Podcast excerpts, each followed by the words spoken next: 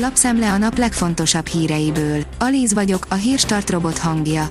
Ma június 8-a, Medárd névnapja van. A 24.hu írja, dúsgazdag lett a Fideszes képviselő családja. Horváth István családjának jól megy az üzlet, tavaly két luxus terepjárót is beszereztek cégeik. A vezes szerint ketté válik az új Kia Sportage.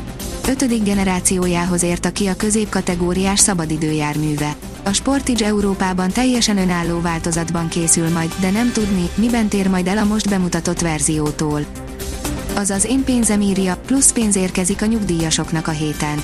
A folyószámlával rendelkező nyugdíjasoknak a kincstár pénteken írja jóvá az évközi rendkívüli nyugdíjemelést.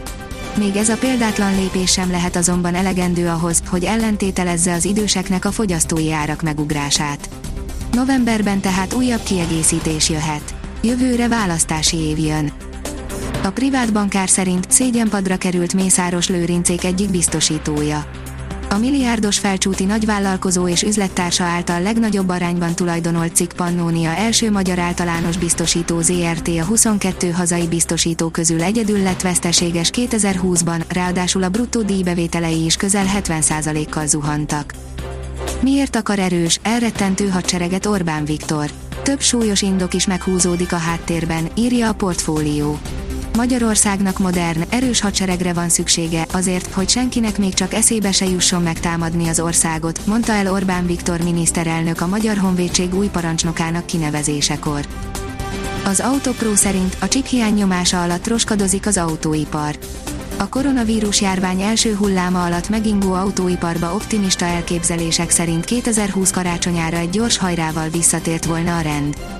Sajnos más tényezők közrejátszása miatt azonban mikrocsip hiány keletkezett az ágazatban, amit az iparág talán 2023-ig nem lesz képes kiheverni. A hírklik szerint Orbán Viktor ismét megtámadták Magyarországot.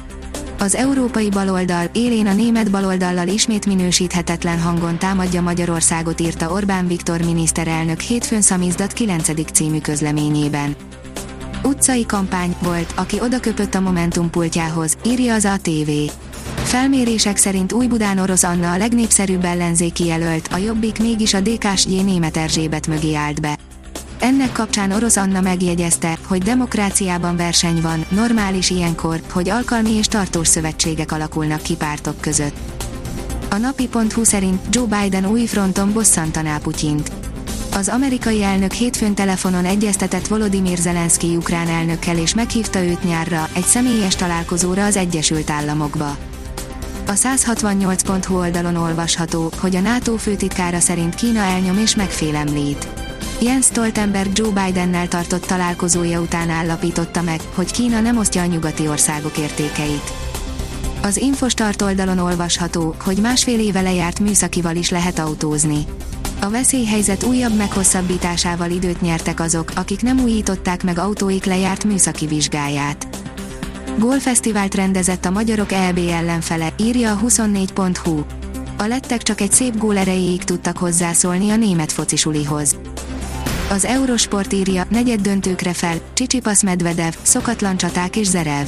Lassan a hajrájához ér a Roland Garros, úgyhogy immár nem öt érdekesnek ígérkező meccset, hanem négy negyed döntőt ajánlunk Párizsból. A kiderül írja, a hét legmelegebb napjai jönnek. Tovább melegszik az idő, a hőmérséklet délutánonként a 30 fokot is meghaladhatja, majd csütörtöktől észak felől kissé nedvesebb és egy-két fokkal hűvösebb levegő érkezik fölénk. A Hírstart friss lapszemléjét hallotta. Ha még több hírt szeretne hallani, kérjük, látogassa meg a podcast.hírstart.hu oldalunkat, vagy keressen minket a Spotify csatornánkon. Az elhangzott hírek teljes terjedelemben elérhetőek weboldalunkon is. Ha weboldalunkon hallgat minket, az egyel korábbi adás lejátszása automatikusan elindul. Beállíthatja, hogy az összes korábbi adás, vagy csak az aktuális tematika hírei következzenek. Köszönjük, hogy minket hallgatott!